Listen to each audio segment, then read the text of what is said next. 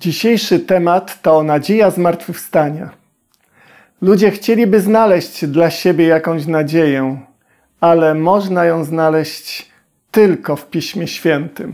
Niechaj się nie trwoży serce wasze. Wierzcie w Boga i we mnie wierzcie. W domu Ojca mego jest wiele mieszkań. Gdyby było inaczej, byłbym wam powiedział – Idę przygotować wam miejsce, a jeśli pójdę i przygotuję wam miejsce, przyjdę znowu i wezmę was do siebie, abyście gdzie ja jestem i wy byli. Człowiek umiera i śpi, a później, później się budzi. Księga Hioba, 14 rozdział od wiersza 11 do 12. Jak ubywa wód z morza, jak strumień opada i wysycha, tak człowiek, gdy się położy, nie wstanie, dopóki niebo nie przeminie, nie ocuci się i nie obudzi się ze swojego snu. Księga Izajasza również wyraźnie y, opisuje, że nastanie czas zmartwychwstania. Ożyją Twoi umarli, Twoje ciała wstaną obudzą się i będą radośnie śpiewać ci, którzy leżą w prochu, gdyż Twoja rosa jest rosą światłości, a ziemia wyda zmarłych. Księga Daniela, dwunasty rozdział teraz i wiersz drugi. A wielu z tych, którzy śpią w prochu ziemi, obudzą się, jedni do żywota wiecznego, a drudzy na hańbę i wieczne potępienie. Do Daniela zaś Pan Bóg powiedział następująco: Lecz ty idź swoją drogą, aż przyjdzie koniec. Spoczniesz i powstaniesz do swojego losu u kresu dni. Teraz otworzymy Ewangelię Jana i zobaczymy, co Pan Jezus miał do powiedzenia na temat e, śmierci i na temat nadziei zmartwychwstania. Nie dziwcie się temu, gdyż nadchodzi godzina, kiedy wszyscy w grobach usłyszą głos Jego i wyjdą ci, co dobrze czynili, by powstać do życia, a inni, którzy źle czynili, by powstać na sąd. Teraz przeczytamy pierwszy list do Koryntian, 15 rozdział, 51 i 52 wiersze.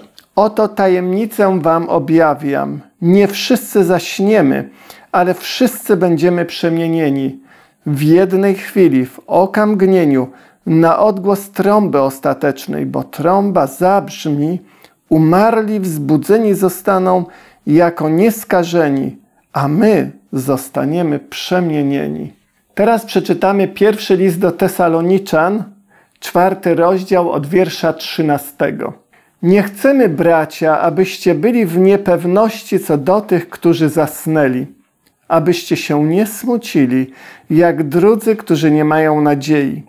Albowiem, jak wierzymy, że Jezus umarł i zmartwychwstał, tak też wierzymy, że Bóg przez Jezusa przywiedzie z Nim tych, którzy zasnęli.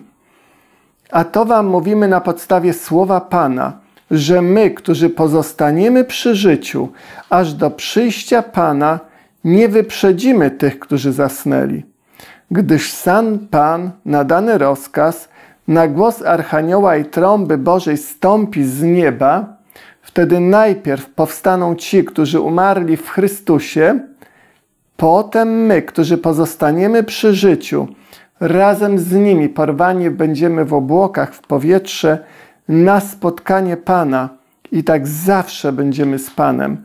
Przeto pocieszajcie się nawzajem tymi słowy. Jeżeli nasz Pan i Zbawiciel zmartwychwstał, to i my zmartwychwstaniemy. Ewangelia Łukasza, 24 rozdział od 1 do 3. A pierwszego dnia tygodnia, wczesnym rankiem, przyszły do grobu, niosąc wonności, które przygotowały, i zastały kamień odwalony od grobowca. A wszedłszy do środka, nie znalazły ciała Pana Jezusa. Pan Jezus umarł i zmartwychwstał, i to jest nadzieja dla każdego z nas. Gdy Pan Jezus umierał na krzyżu, wówczas też miało miejsce takie szczególne doświadczenie i wydarzenie, o którym teraz przeczytamy. Ewangelia Mateusza, 27 rozdział, od wiersza 50 do 53. A Jezus znowu zawołał donośnym głosem i oddał ducha. I oto zasłona świątyni rozdarła się na dwoje od góry do dołu. Ziemia się zatrzęsła i skały popękały. I groby się otworzyły, i wiele ciał świętych, którzy zasnęli, zostało wzbudzonych. I wyszli z grobów po jego zmartwychwstaniu i weszli do świętego miasta i ukazali się wielu. Skoro oni zmartwychwstali, to i każdy wierzący zmartwychwstanie przy jego przyjściu.